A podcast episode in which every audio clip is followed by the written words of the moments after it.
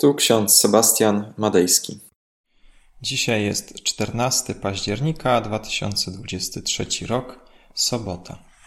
W książeczce z Biblią na co dzień znajdujemy następujące fragmenty.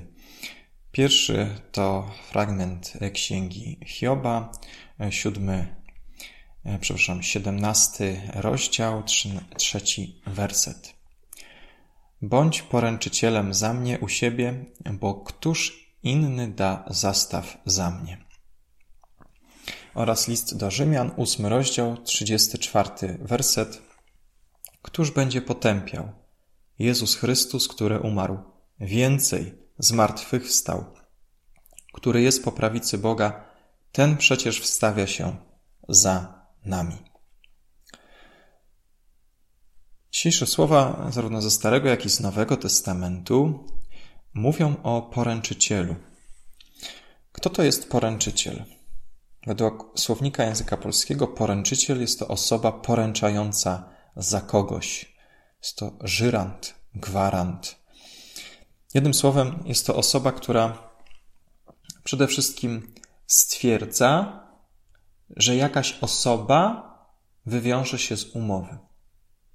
On ręczy za kogoś swoim dobrym imieniem, swoim być może majątkiem, ręczy swoim honorem też za kogoś, kto, no właśnie, ubiega się o tę czy inną sprawę.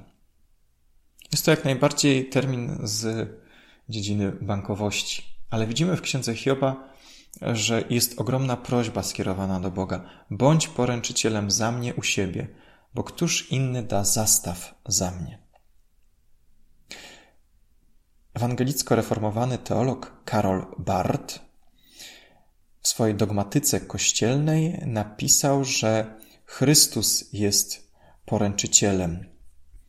Przede wszystkim znajdujemy ten fragment w dogmatyce kościelnej, kiedy jest mowa o pewnej e, trojakiej funkcji Chrystusa. Pozwólcie, że przeczytam. Chrystus jest według Barta przede wszystkim prawdziwym, poniżającym siebie i przez to udzielającym pojednania Bogiem. Po drugie, Chrystus jest prawdziwym, przez Boga wywyższonym i przez to pojednanym człowiekiem. I po trzecie, Chrystus jest poręczycielem i świadkiem naszego pojednania. Zatem według Barta dopiero w Chrystusie mamy przed sobą zwierciadło, w którym człowiek może się skonfrontować z grzechem. W Chrystusie odkrywamy, jaki jest prawdziwie Bóg. W tej trojakiej funkcji Chrystusa odzwierciedla się trojaka forma grzechu człowieka. Po pierwsze pycha, po drugie gnuśność i po trzecie kłamstwo. Kłamstwo jest przeciwieństwem poręczycielstwa Chrystusa. Ale zacznijmy od pierwszej formy grzechu, najbardziej powszechnej pycha człowieka.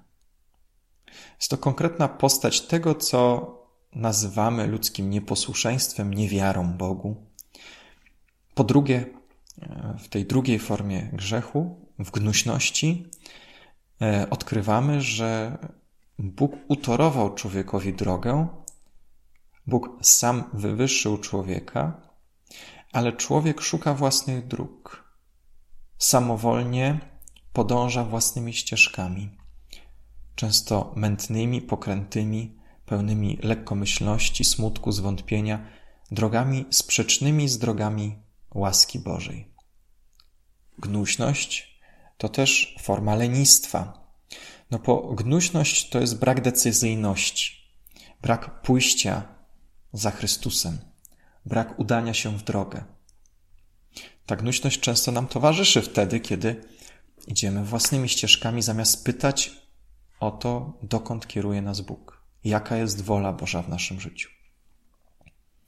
Czyli mamy pychę, gnuśność i kłamstwo. Kłamstwo jest przeciwieństwem poręczycielstwa Chrystusa, ponieważ Kłamstwo jest samozniszczeniem. Człowiek, świat żyje w stanie samozniszczenia, gdyż znajduje się pod panowaniem kłamstwa.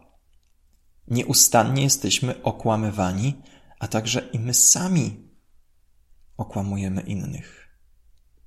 Oczywiste staje się tutaj, że grzech nie może nad nami panować, jeśli panuje nad nami Chrystus. Jednak za każdym razem grzech niszczy, tworzy nędzę, śmierć w naszym życiu.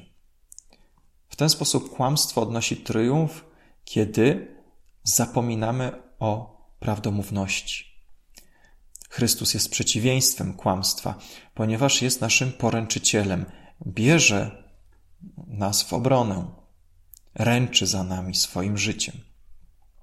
Zastanów się chwilę, czy przypadkiem w Twoim życiu w jakichś aspektach nie pojawia się ta, jak to nazwa Bart, troista forma grzechu człowieka, mianowicie pycha, gnuśność lub kłamstwo. Może w ostatnim czasie pojawiła się jakaś pycha, albo zostałeś, zostałaś dotknięta czyjąś pychą, zarozumialstwem. A może pojawia się w Twoim życiu gnuśność, lenistwo, brak decyzyjności. Boisz się podjąć jakąś decyzję, boisz się pójść za Chrystusem. A może pojawia się w Twoim życiu kłamstwo, Jesteś już tak przesiąknięty, przesiąknięta kłamstwem, że zaczynasz powtarzać kłamstwo i wmawiasz sobie te kłamstwa. Jeśli tak, to Ewangelia, dzisiejsze teksty wskazują na Chrystusa, który jest przeciwieństwem pychy, gnuśności i kłamstwa. Jest poręczycielem i świadkiem naszego pojednania. Któż będzie nas potępiał, skoro Chrystus, który umarł, zmartwychwstał, jest po prawicy Boga i ten wstawia się za nami. To czytamy w liście do Rzymian. Czy wierzysz w to? Czy pragniesz z pomocą Ducha Świętego poprawić swoje życie? Czy pragniesz usunąć ze swojego życia pychę, gnuśność i kłamstwo? Czy pragniesz z pomocą Ducha Świętego sprzeciwiać się kłamstwu wtedy, kiedy je słyszysz?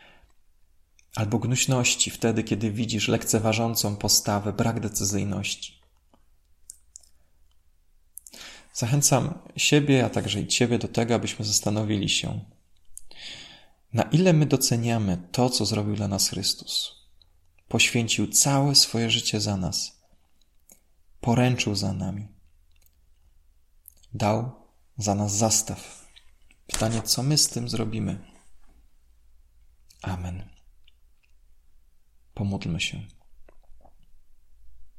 Wszechmogący Panie, miłosierny Boże, Ty jesteś fundamentem naszej wiary. W Tobie odkrywamy bezpieczeństwo i zdrój wody żywej, która nas oczyszcza. Spraw łaskawy Panie, abyśmy wyparli z naszego życia pychę, gnuśność i kłamstwo, abyśmy przemienieni mocą Twego Ducha Świętego zmieniali ten świat wokół nas. Amen. A pokój Boży, który przewyższa wszelki rozum, tak niechaj strzeże serc naszych i myśli naszych w Panu naszym, Jezusie Chrystusie, ku żywotowi wiecznemu. Amen.